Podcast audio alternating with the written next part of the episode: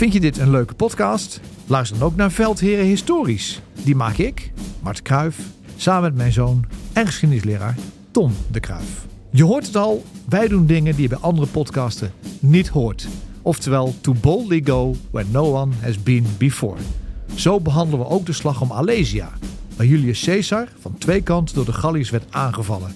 Hij zou zo'n 1 miljoen Galliërs hebben uitgemoord. En Asterix en Obelix klopt niet. Zeker, en zo bespreken we ook markante veldheren en legendarische veldslagen uit geschiedenis. Zo kom je bijvoorbeeld te leren waarom het jaar 1870 misschien wel het belangrijkste jaartal is in de geschiedenis. Luister dus Veldheren Historisch via Podimo. En als je je aanmeldt via podimo.nl slash Historisch, dan luister je 30 dagen gratis. Hallo, ik ben Jaap Jansen. En die zagen een blad gaan met korenwijn. En ik maak met PG Kroeger. En een half uur later weer een blad met korenwijn. Een podcast. Toen heeft het kabinet gezegd, dan stappen we op. Waarin PG historische verhalen vertelt die ook veel zeggen over vandaag. Goed zitten zijn, dat is een first voor mij. En waarin leiders en echte deskundigen vertellen hoe het werkelijk toegaat. In Den Haag en in Brussel. En dan weet je hoe dat afloopt. De grote landen domineren, de kleintjes die worden onder de voet gelopen. Betrouwbare bronnen. Het is waanzin. Hoe is het mogelijk? Twee keer per week in je favoriete podcast Kortie Media. Veldheren is een productie van Corti Media en WPG Studios. Het Oekraïense leger is in het westen van de provincie Zaporizhia opgerukt tot voorbij een Russische linie met anti-tankgrachten en andere obstakels. Stap voor stap wordt de kans dat Oekraïne erin slaagt de Russische aanvoerlijnen te doorbreken steeds iets groter.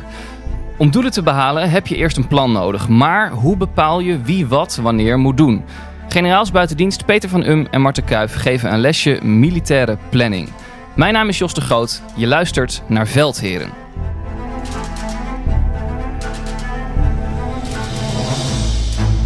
En luister vooral ook naar Veldheren Extra, onze wekelijkse extra aflevering waarin Peter en Mart meer vragen van luisteraars beantwoorden.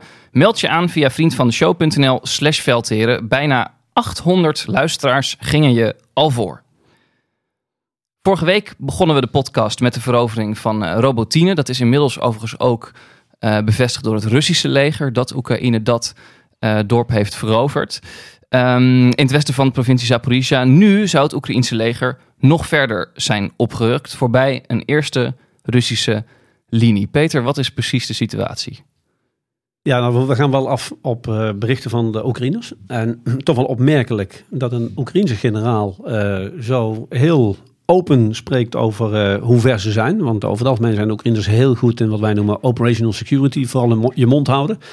Uh, en hij geeft dus ook echt aan dat ze tussen de eerste en de tweede verdedigingslijn in zitten. En hij geeft ook een, zijn inschatting bijvoorbeeld van hoe stoppend die tweede lijn is. Want hij zegt, ja, de Russen hebben 60% van hun tijd en inspanning in de eerste lijn gestopt. En hooguit 20% in de tweede en 20% in de derde.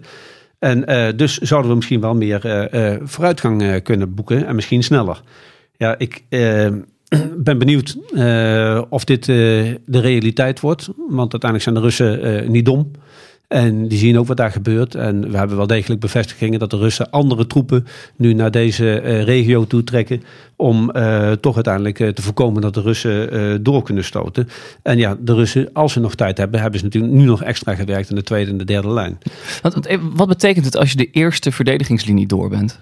Nou, eigenlijk dat je een hele moeilijke fase uh, door bent gegaan. Uh, maar je, je, moet wel gewoon realistisch zijn. Er was nog een tweede en een derde. En dat zijn gewoon ook moeilijke fases. Ja. Kijk, het uh, interessante is dat als je even uitzoomt. Rusland is na de eerste vier weken nog steeds niet in staat geweest tot op dag van vandaag om het initiatief te nemen. Dus Rusland moet steeds reageren op wat Oekraïne doet. En dat lijkt logisch, maar het is opmerkelijk, omdat het een relatief klein land is met minder middelen dat tegen een groot land moet vechten. Dat is één. Het tweede, ze zijn nu bij een dorpje, het heet Verboven. Niet Verboven, maar Verboven. en eh, eigenlijk staan ze op een soort, wij noemen dat een wissel. Als je Robotin hebt, heb je eigenlijk twee kanten waar je heen kunt. Je kunt naar het uh, zuidoosten, naar Bertjansk, een havenstad. Of je kunt naar het zuiden, naar Melitopol. Eh, allebei met de troepen die je hebt, dat wordt moeilijk. En de vraag is nu eigenlijk, welke kant gaan ze op? En misschien moeten we die opmerking van die Oekraïnse generaal ook wel in die context zien. Hè, dat ze bewust zo'n uitspraak doen om een stukje misleiding toe te passen eh, waar ze heen gaan. Ik weet niet, maar het zou kunnen. Want het, Hij heeft het letterlijk gezegd hè, in Ja. dat interview. Hè, van Ja. we moeten ze blijven misleiden, die Russen. Ja, want het, het, het terrein is heel eh, duidelijk. Op een gegeven moment moet je gewoon kiezen welke kant je op gaat. Je kunt niet beide kanten op. Dus dat noemen we een eh, klassieke wissel. Maar of je links of rechts staat, eh, dat gaan we komende weken zien. Lu- luisteraar Oscar Kate die vraagt hierover. Wat is nu voor Oekraïne de meest logische stap nu ze door die voorste linie heen zijn? Is het beter om gelijk door te stoten naar de volgende linies? Of is het verstandiger om nu aan weerszijden op te rukken en de eerste linie van achteren of in de flanken aan te vallen? Dat is dus eigenlijk een beetje de keuze waar ze voor staan. Ja, als je eh, volgens de boekjes zou je eerst die eerste linie het gat groter moeten maken. door al die bunkercomplexen en loopgraven van achter aan te vallen. Want die zijn meestal gericht op één kant omheen te schieten en te verdedigen. Maar als je ziet wat zij willen bereiken, dat is namelijk die aanvoerlijnen afsnijden. dan moet je zeggen, nou laat het gros van die linie maar liggen. En waarom? De dreiging op de flank is niet zo groot. Want er liggen zoveel hindernissen die de Russen over zelf hebben opgeworpen. Daar moeten ze zelf ook weer doorheen om een flankdreiging te kunnen hebben. Dus mijn inschatting is dat ze door zullen gaan richting die tweede lijn. Alleen welke kansen ze zullen kiezen, ja, dat is mij nog niet duidelijk. Maar hoe dieper je doorstoot, hoe groter je flanken worden. Dus daar zul je iets aan moeten doen. En dat zijn die keuzes van die commandanten die zo voor de raad moeilijk zijn. Want eh, ga je ze alleen bewaken, dus dan heb je daar oogjes op. En dan hoop je dat je, als je de Russen ziet aankomen, dat je dan nog kunt reageren. Ga je ze beveiligen, dan heb je de oogjes op en een lichte gevechtskracht om ze in ieder geval een tijdje tegen te houden. Of ga je dat echt verdedigen? Nou, dan moet je er heel veel troepen in stoppen. Dus ik denk dat de Oekraïners nu inderdaad, wat Mart zegt, eh, gebruik maken van de Russische hindernissen die er allemaal liggen. En eh, proberen toch eh, eh, voorwaarts te gaan. Ja. Wat ook dichterbij komt, dat is de Zee van Azov. Hebben we natuurlijk vorige week uitgebreid eh, besproken met marineman Michiel Heijmans. Eh, de kust, nog zo'n 100 kilometer schijnt het te zijn voor het eh Oekraïense leger. Dat zou dan weer een strategische mijlpaal kunnen betekenen, lees ik. Zien jullie dat ook zo? Ik denk ook 100 kilometer is ook nog wel heel ver. Ja, maar je hoeft er niet te zijn. Het gaat Mhm. om het effect. En als je de bevoorradingsleider van de Russen kunt bevuren met langdragende artillerie met precisie. En die heeft Oekraïne en die kunnen 40 tot 60 kilometer schieten. Als je dan een mathematisch rekensommetje van maakt, maar wiskunde was nooit mijn sterke kant.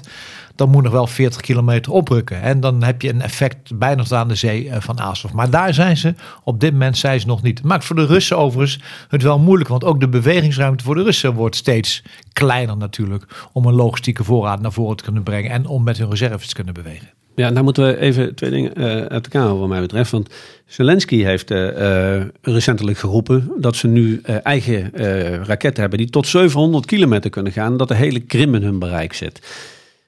Moeten we nog eh, zien of dat allemaal eh, daadwerkelijk zo is en of het zo effectief is. En dan zouden de luisteraars misschien denken van ja, als je tot 700 kilometer kan, waarvoor moet je dan naar die zee van Azov? Want dan kun je lekker blijven zitten. Maar je hebt uiteindelijk gewoon je gewone artillerie nodig om eh, zo nodig massaal die weg af te sluiten en dat gebied af te sluiten. En dat kun je niet alleen maar met die, die hele dure raketten doen. Dus daarom moet je meer naar voren om uiteindelijk binnen het artilleriebereik van 30, 40 kilometer te komen. Ja. En ho- hoe zijn op dit moment de verhoudingen als je kijkt naar de artillerie waar de Oekraïners over beschikken en de Russen? Want daar valt best iets interessants over te vertellen. Hè? Ja, want eh, eh, tot mijn verbazing hebben de Oekraïners eh, wat geroepen. En dat is door een kolonel uit Estland bevestigd. Maar misschien papagaait hij ze na, dat zou ook goed kunnen. Eh, maar zij zeggen dat ze een soort gelijkwaardigheid hebben bereikt in de anti-artilleriecapaciteit. Dus met artillerie, artillerie bestrijden. En als je dan even teruggaat naar de- podcast waar wij het ook hebben gehad over de Russische doctrine, waarbij massaliteit van gebruik van artillerie heel erg belangrijk is. Ja, als het waar is dat de Oekraïners met hulp van al die westerse wapensystemen en munitie nu wat dan heet pariteit hebben bereikt, ja, dan is dat toch wel eh, iets heel belangrijks eh, wat we nu zien. En ehm, ja, het zou zomaar kunnen, want als je naar de Russische kant kijkt, daar zie je dat er behoorlijk geklaagd wordt door troepen eh, in het veld, dat ze te weinig artilleriesteun krijgen. En eh, je ziet dat de, Russen ook bezig zijn om nieuwe eenheden gereed te stellen met eh, nou, wat oudere artillerie. Eh, kanonnen, eh, eh, wat wij zelf propeld noemt, gemechaniseerde artillerie, die ze nu proberen gereed te stellen om toch weer ja, eh, extra artillerie te bouwen. Maar ja, ze, ze, stoppen, ze stoppen ze wel vol met een artilleriesysteem wat uit 1975 is. Kijk, en het interessante is, Rusland moet 900 kilometer frontlijn verdedigen met artillerie. Oekraïne kan kiezen waar ze een artillerie inzetten. Dus ze kunnen plaatselijk en tijdelijk veel meer artillerie concentreren dan dat de Russen kunnen. Dat is het voordeel van het initiatief hebben en het voordeel van de aanvaller. En dat doen ze dus ook. En daarom zie je dat ze ook voortgang boeken, omdat ze in staat zijn om die Russische artillerie die invloed kan hebben op die opmars, om die grotendeels uit te schakelen. Ja, en als ze dat dus wat dikker neerzetten bij monden van deze uh, Oekraïnse generaal, dan spelen ze misschien gewoon in op het uh, geklaag van de Russen om dat nog eens een keer aan te dikken. Ja, dus uh, slim, slimme PR. Is eigenlijk wat de Oekraïners nu bij Robotine bereikt hebben hè, en het doorstoten richting verdoven, wat Mart, wat Mart beschrijft, is dat eigenlijk knap wat ze hebben gepresteerd? Want ik heb gelezen over de obstakels, de antitankkrachten, de drakentanden waar ze in die eerste linie doorheen moesten. Ja. Kijk, als je de boekjes erbij houdt, en sommige mensen doen dat, hè, bijvoorbeeld Amerikaanse generaals met hun kritiek dat Oekraïne niet concentreert. Maar je weet, normaal gesproken als je aanvalt, moet je luchtoverwicht hebben. Moet je een meerderheid hebben van drie staat tot één. En moet je uh, ook nog een keer in staat zijn, maar als je doorbreekt, voldoende troepen te hebben om de uitbraak te beveiligen en te verdedigen eigenlijk heeft Oekraïne dat helemaal niet aan de orde. Ze hebben drie keer zo weinig eigenlijk. Alleen dat ze aanvallen zijn, kunnen ze keuzes maken waar ze in het offensief gaan. Ze hebben hun doctrine aangepast. Niet één groot stoot zonder luchtoverwicht, maar stapsgewijs, wat we vorige hebben uitgelegd, met artillerie en het aanvallen van de Russen die in de loopgraaf zitten en over zo'n hindernis kijken om die aan te grijpen. En je ziet dus dat langzamerhand, beetje bij beetje, heeft dat succes. Het is echt de weg van de honderd kleine stapjes om bij Mao Zedong te blijven dan uh, de grote stappen. Ja, en die uh, Oekraïnse generaal die zo vrijelijk heeft gesproken over de voortgang die ze maakten die heeft ook nog eens uitgelegd hoe ze dat uiteindelijk hebben moeten doen. Want ze kwamen erachter dat uh, ja, zodra ze maar uh, naar de Russen toe gingen in voertuigen of dergelijke, werden ze of door de artillerie of door drones of door rechtstreeks werden ze gewoon aangegrepen. En ja, zoals wij dan zeggen, werd je uit je jas geschoten. Dus dat, dat, dat ging hem niet worden. En uiteindelijk kwamen de Oekraïners er dus achter. Dat, en wij hebben dat nog eens een keer duidelijk gemaakt, denk ik, in onze aflevering over mijnen. Dat ze uiteindelijk alleen maar s'nachts met mannetjes naar voren gingen om al die mijnen aan de kant te, te ruimen. En uh, dan zie je weer hoe, hoe rot de oorlog is, eh, een oorlog überhaupt is. Want op een gegeven moment zijn blijkbaar de Russen daarachter gekomen en die hebben weer iets anders bedacht. Eh, ik ga nu op één bron uit, dus het is een beetje dun, het is dun ijs. Maar blijkbaar hebben de Russen bedacht van nou, als wij nou gewoon brandbare stof in die mijnenvelden leggen. En we weten dat er Oekraïnse lui tussen zitten, dan sturen we een drone op af en die steekt die boel in de hens. En ja, die kerels liggen dan gewoon midden in, in een brand.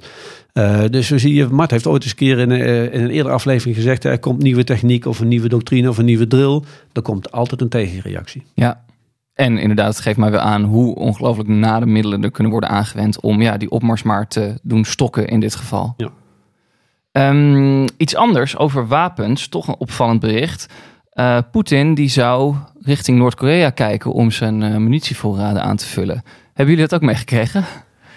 Ja, jullie lachen? Ja, nee, kijk, het is natuurlijk heel raar, want Rusland zag zichzelf altijd als de leider van de communistische wereld. En uit die hoofden hebben ze China ondersteund en hebben ze in de Korea-oorlog ook Noord-Korea ondersteund.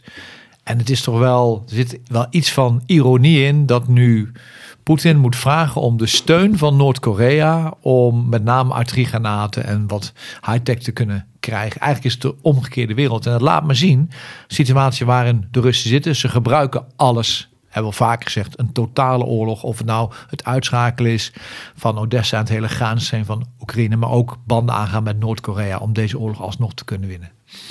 Ik kan me niet voorstellen dat de Russen echt blij zijn dat ze Noord-Korea moeten gaan vragen om, uh, om dit soort spullen. Beetje gezichtsverlies. Ja, lijkt me wel. Ja. Ander bericht, dichter bij huis. Uh, ook luisteraar Jan Quirijnen uh, wees ons daarop. Uh, vanuit een Belgische krant stond het volgende. De legerleiding acht het ondenkbaar dat er Belgische F-16's naar Oekraïne zouden gaan... als ze hier, in België dus, uit de roulatie zijn. De risico's zijn te groot. Je kunt geen vliegtuigen naar Oekraïne sturen... die je zelf niet meer zou gebruiken. Dus de Belgen zeggen van ja, bij ons staan ze aan de grond. Waarom sturen we ze dan ja, naar, naar Oekraïne? Is dat opvallend? Nou, ik zou zeggen, stel deze vragen eens aan uh, Zelensky en zijn mensen. Ja. ik denk dat je dan een duidelijk antwoord krijgt. En uh, je weet ook niet wat er allemaal met upgrades kan worden gedaan samen met de producent om uh, die kisten op een hoger plan te krijgen. Eh, we moeten wel eerlijk zijn, ook de Nederlandse F-16's, als je daar de buitenkant van afhaalt, ja, dan zie je gewoon, als je hem in een hangar hebt staan, zie je gewoon een soort F-16 in een corset. Dat is de beste omschrijving, want ze plakken allemaal metalen platen onder die buitenkant eraan vast om hem maar strak te houden. Ja, om hem dus zo goed mogelijk eh, vliegbaar te houden. Ja, het zijn natuurlijk geen nieuwe vliegtuigen, maar het is een enorme kwaliteitsverbetering voor uh, uiteindelijk de Oekraïners. En ja, soms kijken we anders naar de wereld. En ik heb nog een keer een, een F-16... wij en de Belgen bedoel je? Ja, ja, ja. ja, ja, ja, ja. en er zijn fantastische collega's, de Belgen. Maar ja, maar? Ik, ik heb toch wel een keer een, een mishap gehad. Ehm, de Belgen zouden in Afghanistan ons aflossen met, met onze F-16's. En een Belgische journalist van de Antwerpse Gazet, als ik me goed herinner, die, die ging naar ons club toe om te kijken wat die F-16's daar deden. En we hadden toen uh, een detachementscommandant die uh, gloedvol vertelde over wat we allemaal deden. Er was niks mis mee. Maar hij zei dat ze ook wel eens uh, ja, dicht bij de Pakistanse grens opereerden. En ja, dan, dan kon het misschien wel eens een keer zijn dat ze toch over een bocht moesten maken over Pakistaanse grondgebied. En nou, dat interview was afgelopen, allemaal prima. En daarna realiseert die kolonel zich wat hij heeft gezegd. En dat we misschien wel niet legitiem een keer over Pakistaans grondgebied of in het Pakistaans luchtruim zouden zijn geweest. Dus die uh, belt toch maar wat uh, zenuwachtig naar, naar mijn staf in Den Haag. En de volgende ochtend kreeg ik bij een briefing dit te horen. En ik dacht van ja, nu hebben we wel een probleem uh, voor de Belgen gecreëerd. Dus la, laat ik nou mijn Belgische collega bellen. Dus ik bel mijn Belgische collega op, August. En ik leg hem uit van ja, August, sorry, misschien heb ik een probleem voor jou gecreëerd. En ik leg, leg, hem uit wat er aan de hand is. En hij zegt op, op zijn Vlaams, ik zal dat niet nadoen. Hij zegt, nee, dat ga ik echt niet doen. hij zegt, ik zal het ook niet vragen. nee, hij zegt, Peter, een probleem. Ik heb de Antwerpse Gazet hier op mijn bureau liggen. Voor het eerst sinds jaren een F-16 op de voorpagina. Er is geen probleem. ja, dan zie je dat je toch anders naar de wereld kijkt. Ja. Verschil, verschil je de opvatting tussen de Nederlanders en de Belgen. Herken jij dat, Mart? Nou, kijk, het Belgische uh, leger is gewoon een heel, heel vaardig leger. En als je kijkt naar de Lammertiek en ik goed zijn ze fysiek super fit en ontzettend goed uh, getraind. Echte vakmens. Alleen ze krijgen bijna niks. Hè? De uh, omvang van uh, de begroting van de Belgische krijgsmacht is, is ontzettend klein. En eigenlijk is die krijgsmacht. Ja, maar even al... onderbreken. Ze, ze, hebben dus jarenlang een Belgische minister van Defensie gehad die er vier op ging, zoals dat daar heet, dat die geen munitie had aangeschaft. Ja. ja. ja. Dus dat, daar ook het verhaal toen deze oorlog ooit uh, begon. Dat iemand zei, ja als het Westen moet steunen met munitie. Dan heeft Duitsland, uh, kan dat twee dagen volhouden. Nederland twee uur en de Belgen twee minuten. Daar komt het verhaal vandaan.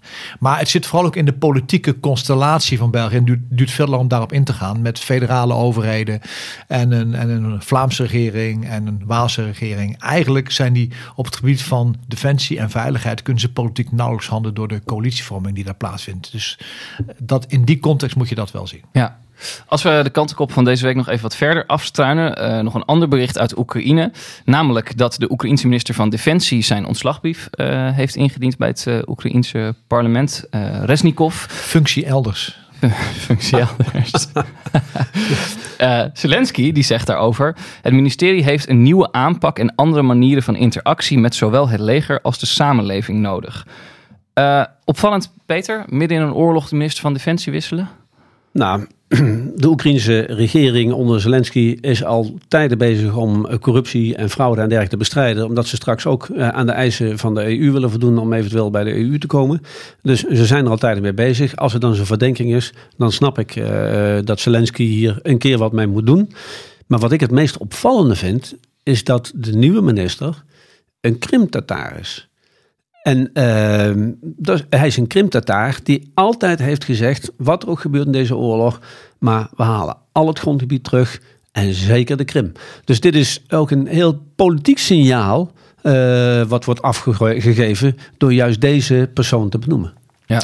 En misschien is het goed om even bij te zeggen dat in Oekraïne is niet veel anders dan hier. De operatievoering gebeurt daar door de commandant der strijdkrachten en niet door de minister. Het is niet de minister die daar de pijlen trekt voor de duidelijkheid. Nee, dus waarmee je zegt op de grond hoeft hiermee niet superveel te veranderen. Niks. Maar die symboliek die is wel belangrijk. Dat, eigenlijk bevestig je het verhaal, de Krim die gaan wij terugveroveren. Ja. Dat blijft het doel. Ja, als ja. je iemand die zo uitgesproken is hierover, uh, in ieder geval is geweest, als je die benoemt als minister van Defensie, dan uh, lijkt me dat een stevig signaal naar de andere kant. Ja. Over ministers van Defensie gesproken. De Boer-Burgerbeweging presenteerde deze week zijn kandidatenlijst. Met daarop, zoals ze het zelf zeggen, een kandidaat voor de post minister van Defensie, Gijs Tuinman, luitenant-kolonel van de Koninklijke Landmacht. Staat op plek drie. Opvallend? Nou ja, en ridder militaire Willemsorde. Hè? Een van de drie levenden die we nog hebben naast Roy de Ruiter en Marco Kroon. Dus Ja. dat is zeker opvallend. Kijk, op zich vind ik het prima dat militairen ook deelnemen aan de politiek en er actief in zijn. hè. We kennen Hanke Bruinslot, die heeft gediend bij de artillerie. André Bosman, die is nu uit de politiek, maar was een F-16-vlieger. Dirk Boswijk was reservist bij de Nationale Reserve. Ehm, en nu hebben we er weer in. Op zich is het, is het enkel maar goed. Ik vind wel, had ik tenminste niet gedaan, dat je gelijk zoveel druk op, op hem zet. Door te zeggen dat is aan onze dedicated nieuwe minister van eh, Defensie. Eh, dat had ik niet gedaan. Daar was ik van weggebleven. Maar op zich dat Gijs daar staat is denk ik prima. Ja, ja, mee eens. Eh, en en ik, ik wens hem eh, heel veel succes. Want eh, ja, als je drie staat bij de BBB, dan staat er even op een verkiesbare plek. Zeker, ja. En eh, ja, ik zou willen zeggen dat eh, in het parlement, dat is een total different eh, ballgame. Eh, dus ik hoop dat hij blijft doen wat hij altijd deed. Eh, eh, zijn rust bewaren, goed nadenken en eh, dan pas besluiten nemen. ja. En goed plannen, om maar een bruggetje te maken. En goed plannen. Ja, komen we, ik ga jullie niet nog op een kieslijst terugzien, hè? Ergens. eh, Nee, ik denk niet dat, eh, tenminste mijn naam niet. Ik, ik wil niet van Mart spreken. Nee, tenzij ik word eh, gemarteld. Maar ik acht die kans laag. Kijk, heel helder. Nee, nee, maar dat, laten we dan- dat, dat is mijn keus. Ja, Ja, en ik heb diep respect voor mensen die de politiek ingaan. Want in de politiek, daar moet je onvergelijkbare grootheden, moet je wel vergelijken. Want waar is die laatste euro nou het meest efficiënt effectief? Is dat bij onderwijs? Is dat bij infrastructuur? Is het gezondheidszorg? Is het defensie? Het is gewoon een heel moeilijk vak. ja. En, en ik, daarom keer ik me ook zeker niet vanaf. Alleen ik ben qua karakter volstrekt ongeschikt om in de politiek te gaan. Eh, ik wil dingen doen. Ik Ja. wil resultaten eh, zien. En, en niet dat ellenlang maar moeten wachten tot er wat komt. En coalities smeden. Er zijn mensen zijn er veel beter in dan ik. Dus ja, dan moet je mij niet laten doen. gaan wij gewoon lekker door met de podcast. Ehm, wij komen zo bij de militaire planning. Eerst nog één ehm, leuke luisteraarsvraag die wij ontvingen van podcastcollega's Arco Gnocchi, Andrea Huntjes en Tijmen Dokter. Zij maken de podcast Radio Oranje. Mart, dat zou je aanspreken over de Tweede Wereldoorlog. Eh, zij stuurden ons de volgende vraag. In de Tweede Wereldoorlog waren er achter de Duitse linies groepen Sovjet-partisanen of guerrilla-strijders actief die bijvoorbeeld telefoonlijnen doorsneden, konvooien en hinderlagen lieten lopen en inlichtingen doorgaven. Zijn er nu achter Russische lijnen ook Oekraïnse verzetsgroepen actief en hoe actief zijn die? Hoe effectief zijn die? Sorry. Ja, overigens aan beide zijden. Hè. Ook Russen hebben Spetsnaz-eenheden, noemen ze dat, speciale eenheden. Die zetten ze in in eh, de diepte van het Oekraïns gebied en andersom. Waarbij Oekraïne één voordeel heeft.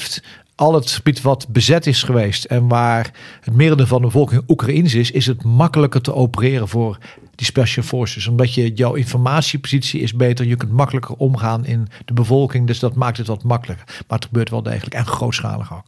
Ja, nou, er zijn recentelijk zijn er meldingen eh, in het kader van de verkiezingen die door de Russen worden gedaan in de bezette gebieden, dat er wel degelijk eh, sabotageacties worden gepleegd om eh, die verkiezingen een beetje te dwarsbomen. Ehm, er zijn meldingen geweest van acties op militaire objecten en militaire locaties van de Russen. Dus men is daar wel degelijk mee bezig. De verovering van het dorp Robotine door het Oekraïense leger en het doorstoten richting Verboven zouden dus een mogelijke strategische mijlpaal kunnen blij- blijken. Maar aan iedere verovering gaat een uitgebreide militaire planning vooraf. Hoe dat precies in zijn werk gaat, daar gaan we het over hebben. Hoe plan je een operatie? En nou lijkt me mooi om allereerst stil te staan bij wat is nou eigenlijk het verschil tussen een militair plan en een plan dat een bedrijf maakt of een plan dat op een ministerie wordt gemaakt. Wat maakt een militair plan nou anders dan alle andere plannen, Peter? Nou, om te beginnen, het gaat over mensenlevens. Mhm. Eh, en eh, in het bedrijfsleven praten ze over winst. Maar dat is heel wat anders dan waar militairen over, over praten. En over het algemeen is de tweede plaats in een oorlog niet zo leuk. Dus het gaat echt ergens anders over. En ehm, uiteindelijk zou een bedrijf ook een analyse moeten maken waarbij alle factoren worden meegenomen. En waarbij heel goed wordt nagedacht over van eh, wat zijn de risico's, wat zijn de kansen, waar acteren we wel op, waar acteren we niet op. En uh, dan ga je uiteindelijk zorgen dat uh, je mensen dat gaan uitvoeren. Ja, en daar gaan wij uh, als militairen vaak wat anders mee om dan, dan dat ik in het bedrijfsleven zie. Ik zou eraan toevoegen dat militairen moeten soms plannen in onzekerheid. Je weet maar 50% van de informatie die je hebt, toch moet je een besluit nemen. Dat is echt anders. En daar komt door de kreet bij van de oude Duits generaal Moltke de Oude, die eind 19e eeuw leverde. Elk plan sneuvelt bij de startlijn. Dat wil zeggen, als een plan begint, dan weet je al, je hebt ook een tegenstander die je niet onder bevel hebt. Dus het gaat altijd anders. Dat zie je nu ook. En je ziet dat Defensie heel veel inspanning levert om ook mensen op te leiden om te plannen. En dat plannen doe je op drie niveaus. Dat doe je tactisch, daar komen we zo wel even op. Dat doe je strategisch op het hoge niveau. En dat doe je operationeel, waarbij je vooral de eenheid in tijd en ruimte op de goede plek probeert te hebben. En dat is gewoon een vak. Elke keer dat we dat onderwijzen en dat we dat zien, is het een vak. En het sterker nog, ik kon een heel mooi voorbeeld zien hoe Oekraïne dat goed deed afgelopen zomer. Door naar Gerson te wijzen van dat gaan wij veroveren. En binnen drie dagen drie grote eenheden uit de diepte van Oekraïne naar Kharkiv te sturen en daar te doorbreken. Dat is een schoolvoorbeeld van militaire planning. En dus een betere en snellere planning dan de Russen die daarop moesten gaan reageren. Dus het is cruciaal. Ja, want als we het ook even vertalen naar de actualiteit waar we, waar we net over hebben gepraat. Um, leef je eens in, in, in de commandant die nu de operatie bij, uh, uh, bij Robotine leidt. Hoe, hoe denken jullie dat zo'n planning in zijn werk is gegaan? Want inderdaad, tijd heb je natuurlijk amper. Uh, je weet heel weinig, zoals jij omschrijft, Mart. Hoe gaat dat eraan toe? Nou, laten we beginnen op het niveau van het ministerie daar. Daar, daar een strategische planning, die is al lang al afgesloten. Dan ga je eigenlijk door een heel systematische werkwijze... ga je kijken, wat is er aan de hand? Wat is de opdracht? Wat is de situatie? Wat kan de vijand? Wat zijn overige factoren van invloed, weer, terrein, klimaat. Je neemt alles in ogenschouw, echt alles in ogenschouw. Daarna ga je nog eens plannen van wat doe ik als mijn plan werkt. Dat noemen ze dan een branch. Wat doe ik als mijn plan niet werkt? Dat noemen ze een sequel. En wat doe ik als de wereld heel anders wordt? Dat noemen ze dan een contingency Dus je bent voortdurend aan het plannen. En je kunt heel goed zien bijvoorbeeld het verschil tussen burgerplanning af en toe en militaire planning. Dat in landen waar COVID was, waar militairen zijn gaan plannen, die plannen niet alleen nu vandaag wat er moest gebeuren morgen, maar er ook gelijk een cel die ging kijken en waar moeten we over drie maanden staan en waar moeten we heen. Dus dat wordt in de genen meegegeven. En dat is niet alleen dus militair plannen, maar je kijkt ook naar politieke effecten, economische effecten. Dat is strategische planning op het hoogste niveau. De commandant in Robotine, die doet heel simpel all doom. Hoe, sorry? All doom. Dus dan zijn we klaar. Ja. Ja. Nee, je zit me aan te kijken. Natuurlijk, ik zal uitleggen wat het is. Doe maar. Op dat niveau plannen doe je het wat anders. En dat noemen wij OWAT doen. En O, dat is eigenlijk een hele snelle wijze om alle factoren van invloed even te ordenen en een besluit te nemen. Maar eigenlijk gaat het erom dat voordat je wat doet, dat je even nadenkt. En dat is het belangrijkste. Voordat je wat doet, ga even tegen die dikke boom zitten, op die steen zitten en denk na. En ODOOM is een afkorting. Als je dat leert je mensen, kunnen ze heel snel alle factoren van invloed kunnen ze even meenemen. En de O staat voor opdracht. De A staat voor analyse. De T staat voor terrein. Dat hebben we hier vaker gehad. Hè? BEP, was vlug, haar nylons. Ja. Oftewel hindernissen, naderingsmogelijkheden, vuur- en zichtdekking, waarnemings- en schootsvelden, belangrijke gebieden. De D staat voor dreiging. Dat hoeft niet alleen een militaire dreiging te zijn, maar bijvoorbeeld in Oeruzkan kon het ook een bommendreiging zijn. Dan staat er over overige factoren van invloed, bijvoorbeeld de stammenstructuur in Oeruzkan of de burgerbevolking die je in Oekraïne hebt. Hoe ga je daarmee om? Dan heb je de E van je eigen middelen en de M van oké, wat voor opties heb ik dan? Ik kan linksom, ik kan rechtsom. Of zoals Peter wel zei, ik kan recht op de meid van voren. En wat zijn de voor's en tegens? En als je dat erin slijpt, kun je heel snel beslissen. En heb je nog op tactisch niveau, op het laagste niveau. En dat is eigenlijk geen planning, dat is skills en drills. Dan reageer je automatisch. Als je onder vuur ligt, ga je automatisch plat. Ga je automatisch jouw skills en drills uitvoeren. Want dan heb je geen tijd om snel te plannen. Maar dan heb je wel de ervaring voor nodig om het goed te doen. En we denken dus in scenario's. Ja, eh, je kunt ze contingencies noemen, wat dan ook. Maar er worden scenario's afgelopen. En bij ieder scenario wordt gekeken, wat zijn de risico's, wat zijn de kansen? Uh, uh, hoe moeten we optreden, onder welke omstandigheden? En dan heb je dus eigenlijk alternatieven voor als het anders loopt. Want je weet, zoals Maart zegt, hè, na, de startlijn dan wordt het alweer anders. Als het eerste schot valt, dan is je plan al eigenlijk al weg. Maar dan heb je in ieder geval plannen klaar om daarmee om te gaan. En in de ideale situatie, dan plannen we bij Defensie in de krijgsmacht plannen we met meerdere niveaus simultaan. Dus je ondercommandanten worden meegenomen in de gedachtegang die jij als hogere commandant hebt, zodat ze heel goed begrijpen wat is jouw commanders intent, hè? wat wil jij bereiken. En uh, dan laat je hun denken, hoe je dat uiteindelijk eh, moet doen. En het mooie in dat systeem is, vind ik nog steeds, en dat zie ik heel zelden eh, in het bedrijfsleven. ehm, als een commandant dan eigenlijk zijn plan heeft gemaakt, dan geeft hij zijn opdracht uit. En dan laat hij zijn ondercommandanten in hun eigen woorden teruggeven. Wat verwacht jij van mij? Zodat ze van elkaar weten van we begrijpen elkaar. Ja? Jij snapt wat jouw rol is. En eh, dan kan die commandant dat nader invullen met, met, met zijn hoe. En die komt dan weer terug bij jou als hoofdcommandant. En dan zeggen ze van nou, eh, ik ga het zo en zo en zo doen. En dan heb je eh, op alle niveaus ja, eenzelfde manier van denken. Eh, en je begrijpt wat die, waar die anderen mee bezig zijn. En dat zorgt ervoor dat je het maximale uit je eenheden haalt. Nog even goed om te benoemen, het is geen wiskunde. Nee, zeker niet. dus als je ergens dat gaat plannen, dan heb je geen zekere uitkomst. Want het is eigenlijk een systeem om ook heel creatief te zijn, maar geen factor van invloed buiten beschouwing te halen. De rol van de commandant is natuurlijk, en de staf is ook om creatief te kunnen zijn. Dus het slaat dat zeker niet dood. En misschien nog één eh, even blik erboven. Hè, van hoe bepaal je nou eigenlijk wat de doelen zijn? Wie neemt uiteindelijk die beslissing? Want ik hoor jou eh, vertellen, het klinkt prachtig, maar het zijn natuurlijk zoveel niveaus. Het is politiek, het is militair. Uiteindelijk moet ieder, iemand toch zeggen, dit gaan we doen Ja, maar eh, op en zo gaan we het doen. wat maat zeggen, het strategisch niveau, daar moet er een politiek doel zijn. Ja, en als je naar Oekraïne kijkt, dan eh, zou het eerste politieke doel volgens mij zijn, we moeten overleven. Ja? Eh, en het tweede eh, doel is eh, zo min mogelijk terrein prijsgeven en terrein terughalen en een goede onderhandelingspositie proberen te bereiken. Want ik denk dat iedereen begrijpt dat er een keer aan de tafel moet worden gekomen. En, en dat wordt dan weer vertaald naar militaire doelen en uiteindelijk naar de tactische doelen van de eenheden. En- zo ja, je dat als het ware gewoon af. En dan hebben we nog één mooi fenomeen wat, wat niet genoemd is. Dat is dat als wij, voordat we een opdracht beginnen, in de ideale situatie, dan ga je dus ook gewoon repeteren. Het heet eh, in het Engels rehearsal. En eh, dat kan op vele manieren, maar ik heb zelf eh, maquettes gewoon in het terrein gemaakt. Ja? Ja, dus gewoon met, met takjes en bouw je het terrein na waar je dadelijk met z'n allen in gaat opereren. En dan leg je je ondercommandanten gewoon uit van nou, eh, eh, hier ga ik zo, daar ga ik dat. En dan zie je dat er toch weer allerlei kleine coördinatiepuntjes of onbegrip, weet je dan toch eh, weer in zo'n in zo'n rehearsal weet je weg te, werken. En ik, ja, dat is nog steeds, moet er ergens een mooie foto zijn, dat ik bij de luchtmobiele brigade, dat deden we ook zo'n rehearsal. En had Theo, mijn plaatsvervanger, die had heel fijn een troon voor mij gemaakt en dan mocht ik op zitten.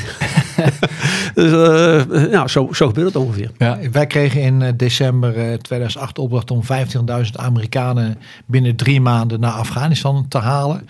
Betekent dat we 20.000 containers moesten bouwen, drie vliegvelden moesten bouwen. Aardige opgave. Dat hebben we ook gedaan in de zogenaamde rock drill, een soort rehearsal. We hadden een plan, maar we hebben een tent met 100 mensen, burgers, constructiemensen, eh, civiele mensen die voor de aanvoer verantwoordelijk zijn. En dan ga je al die aspecten na. En dan kom je er pas achter als je het echt doet. Als je die film afdraait, zo noemen wij dat. Draai die film maar eens af wat je allemaal eh, tegenkomt. Dus dat zit daarin. En eh, ja, dat is gewoon, eh, dat is echt een vak om dat te gaan doen. En dat is ook wat NAVO ons wel ook brengt. Hè? Want het is, wat wij doen is plannen op een NAVO-achtige manier. Dus Ja. ik geef ook af en toe les aan wat vroeger de hoge kerst was hier in Nederland. Heb je oefeningen met verschillende landen. Dan heb je dezelfde drill. Dus het is ook heel makkelijk om contact met elkaar te leggen. Want je hebt dezelfde opleiding gehad. Doen de Russen het op een hele andere manier? Ehm, ik, ik heb er niet diep in kunnen kijken, maar je ziet dat daar ehm, de commandanten op de lagere tactische niveau zijn gewoon uitvoerders. Dus die krijgen gewoon hele duidelijke opdrachten. En eh, ga maar. Eh, ik weet nog dat ik eh, in- na het vallen van de muur was ik in Polen en toen was er nog echt een wasjepakt krijgsmacht daar. En daar had je dus kapiteins die bataljonscommandant waren. Terwijl bij ons is dat een luitenant-kolonel, twee rangen hoger. Maar die kapiteins waren gewoon de hoofdinstructeur van het bataljon. En eh, die kregen te horen van eh, die kant op en geen centimeter links of rechts en zie maar hoe ver je komt. Eh, daar kwam het op neer. Het waren gewoon pure uitvoerders die niet geacht werden om te denken. Dus daar zie je dat het veel eh, rigider is en van hoger af komt die planning. Ja, Het grote verschil in de kern is, wij noemen het Auftragstactiek. Ontwikkeld door de Duitsers na de Eerste Wereldoorlog. Je moet mensen zeggen wat ze moeten doen en waarom, maar zeg ze niet meer hoe ze het moeten doen. Want dan heb je die flexibiliteit bij de mensen die het moeten uitvoeren met de poten in de klei om creatief te zijn. En, en 10.000 Duitse soldaten zijn creatiever dan één Duitse generaal over het algemeen. Ik ben, wel benieuwd, Mart. Ehm, toen jij je jaar in Afghanistan zat, Ja. heb je natuurlijk elke dag te maken gehad met een militaire planning. Ja. Hoe, hoe zag dat eruit? Nee, eh, zo. Dus heel sterk nadenken. Eh, wat willen we bereiken? Waarom willen we het bereiken? Vooral heel veel contact hebben met internationale organisaties als het Rode Kruis, NGO's, de Provincial Reconstruction Teams, dus de opbouwteams die we daar hadden. Dus dat liep je heel breed aan. En sterker nog, eigenlijk werd de planning geleid door civiele effecten. Want wij kwamen erachter dat de Taliban uit het gebied gooien konden binnen 48 uur doen. Dat is militair handwerk. Maar wat doe je dan? Hoe is de stammen eh, samenstelling van dat eh, gebied? Eh, wat, wordt er wat wordt er verbouwd? Is dat opium of is dat iets anders? Hoe ga je daarmee om? Kunnen we een bankwezen opstellen? Kan ik politiemens vinden? Kan ik een gouverneur vinden?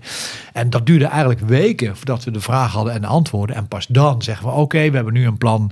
Militair effect erin, gooi Taliban eruit. Dan gaan we naar binnen. Dus mensen denken dat militairen dat leiden. Nee, juist in Afghanistan werden we eigenlijk, onze planning werd geleid door civiele effecten. En dat, dat deden we dus iedere dag.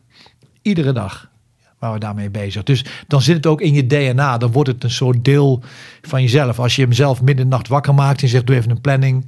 Ja, dan kan ik dat. Het gaat ook niet meer Nog uit. steeds. Ik denk het wel. ja. En om een heel simpel voorbeeld uit de, de praktijk, bijvoorbeeld de MH17. MH17 die ging neer en op vrijdag belt de commandant der strijdkrachten. Maar wij gingen op donderdag neer van kun je even naar de rode telefoon op Schaarsbergen komen. Bij de luchtmobiele brigade. En nou, eigenlijk zo is het gegaan. Kreeg de opdracht van kun je eh, plannen dat je met Amerikaanse luchtsteun en 300 Australiërs met 1200 Nederlandse militairen naar het gebied gaat als de autoriteiten niet meewerken aan het ophalen van de restanten en het stoffelijk overschot. Nou ja, 48 uur de tijd voor. Nou, dat is best wel een opgave om binnen 48 uur te gaan doen. Maar gelukkig hadden een heleboel mensen die ook eh, in Afghanistan hadden gediend. Dus we hebben daar een ad hoc staf van eh, gemaakt. En na 48 uur hadden we gewoon een plan. Maar het eerste wat je doet, is even 10 minuten nadenken. Is dan terugbellen naar Tom van Tom. Heb ik dit goed begrepen? Is dit wat we gaan doen? Tom want je voelt, ja, Tom Middel, want je voelt, hey, dit heeft politieke consequenties. Hè? Dit gaat heel erg ver. En ik geef nu mensen opdracht, en dat is letterlijk gebeurd, om terug te keren naar de kazerne. En er zijn mensen die hebben een caravan geparkeerd in Frankrijk, vijf minuten koffie gedronken en zijn 1200 kilometer teruggereden naar de kazerne om klaar te staan om weg te gaan. En, en dat is ook wat militairen weten. Als die plan, als die planning begint te rollen, dan gebeurt er ook. Nou, en wat ik er interessant aan vind, dat plan lag er dus eigenlijk al.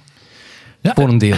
Voor, voor een deel hadden we dat, maar bijvoorbeeld een heel een plan wat we hadden als een contingency, als een mogelijkheid was. eh, wat doen we nou in Afghanistan als we niet eh, wat soldaten sneuvelen? Enkele, dat is natuurlijk al erg genoeg, hè, dat is geen vraag. Maar wat doen we als een helikopter met 40 Nederlanders naar beneden komt? Daar hadden we een plan voor. Want hoe zorgen we dat we voldoende draagploegen hebben, bijvoorbeeld, om die kisten te kunnen dragen? Hoe zorgen we dat we vol- voldoende forensische capaciteit hebben om identificatie te gaan doen?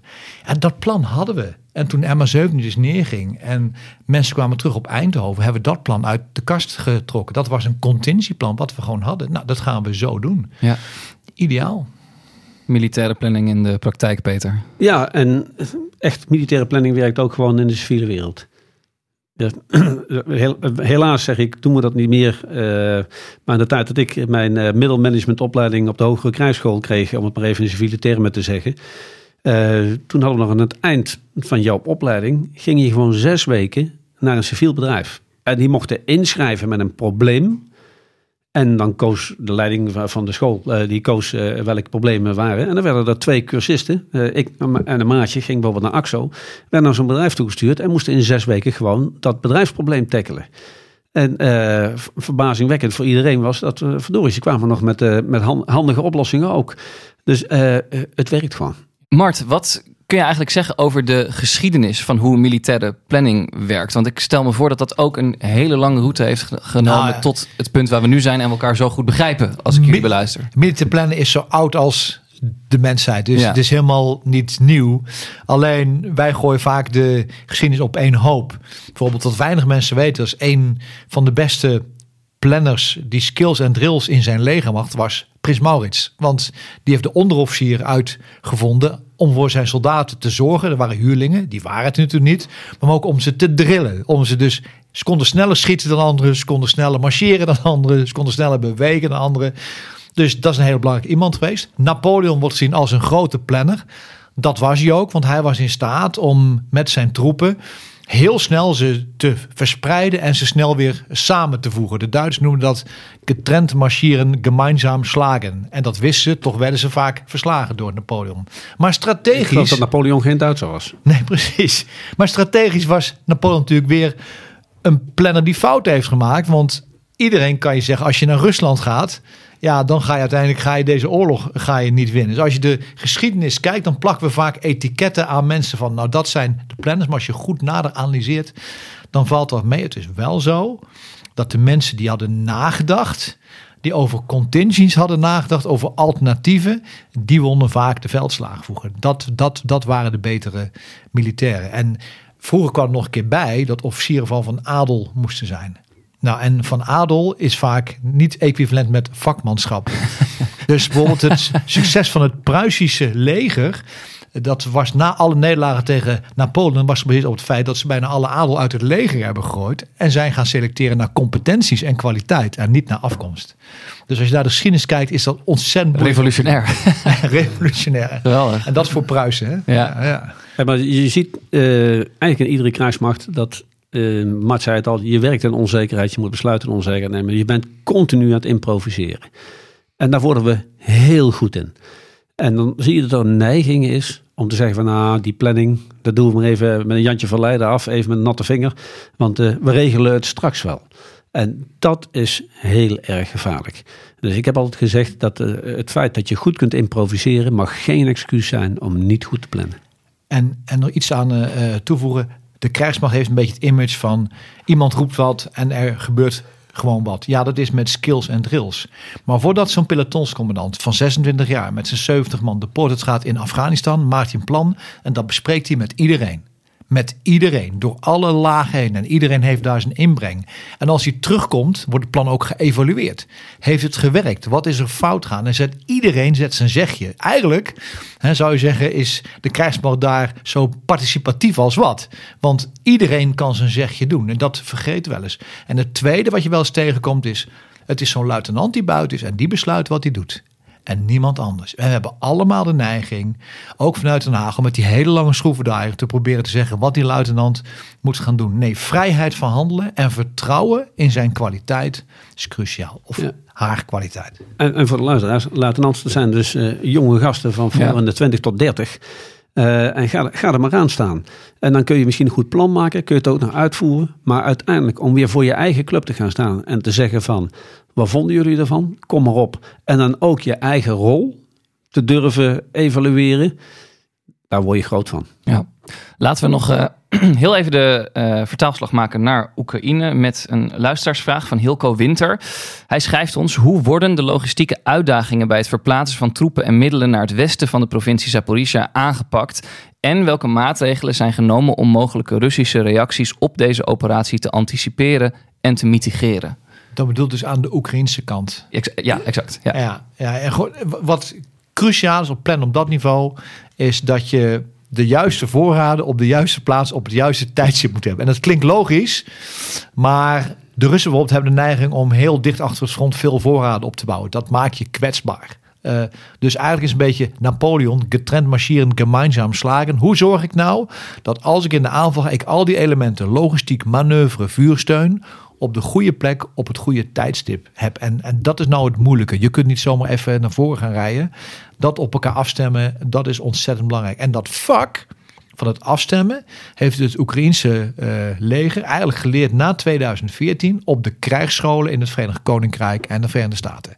Daar zijn heel veel van dit soort officieren opgeleid en hebben dat geleerd. Maar, maar je, je ziet al een tijd lang dat de Oekraïners proberen eh, de logistiek voor de eh, Russen moeilijker te maken.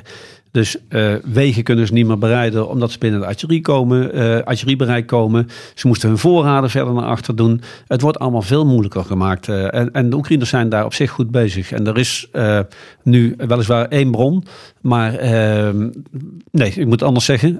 We weten dat de Russen dus nieuwe troepen naar dit gebied aan het brengen zijn, zuid van eh Zaporizhia.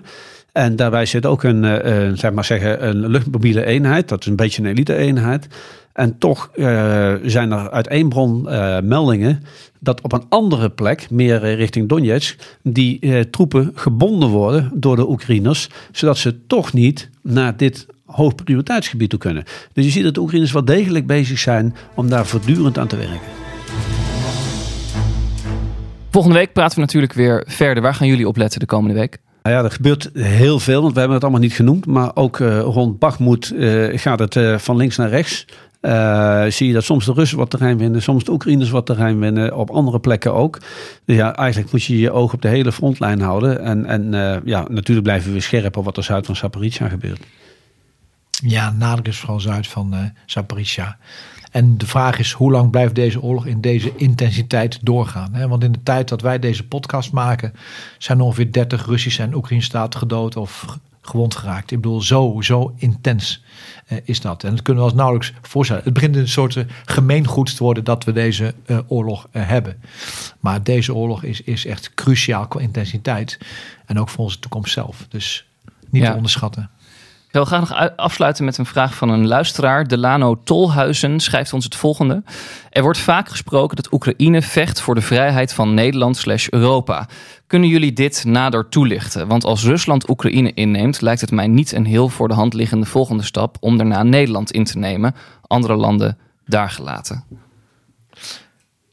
Waar, het, waar het om gaat is dat je het principe toelaat dat een niet democratisch gekozen machthebber militaire middelen gebruikt om een democratisch land te veroveren. Als je dat als wereld toelaat, dan schep je een precedent. Niet alleen een strategisch precedent, want wat betekent dat voor China en Taiwan, om maar een voorbeeld te noemen. Maar het wil ook niet zeggen dat het stopt bij Oekraïne. Want stel dat Oekraïne veroverd zou worden of niet veroverd zou worden, maar wij doen daar niets tegen. En je woont in de Baltische Staten. Ik geef je een briefje op het moment dat jij daar landt met een vliegtuig. Is de eerste vraag die ze stellen.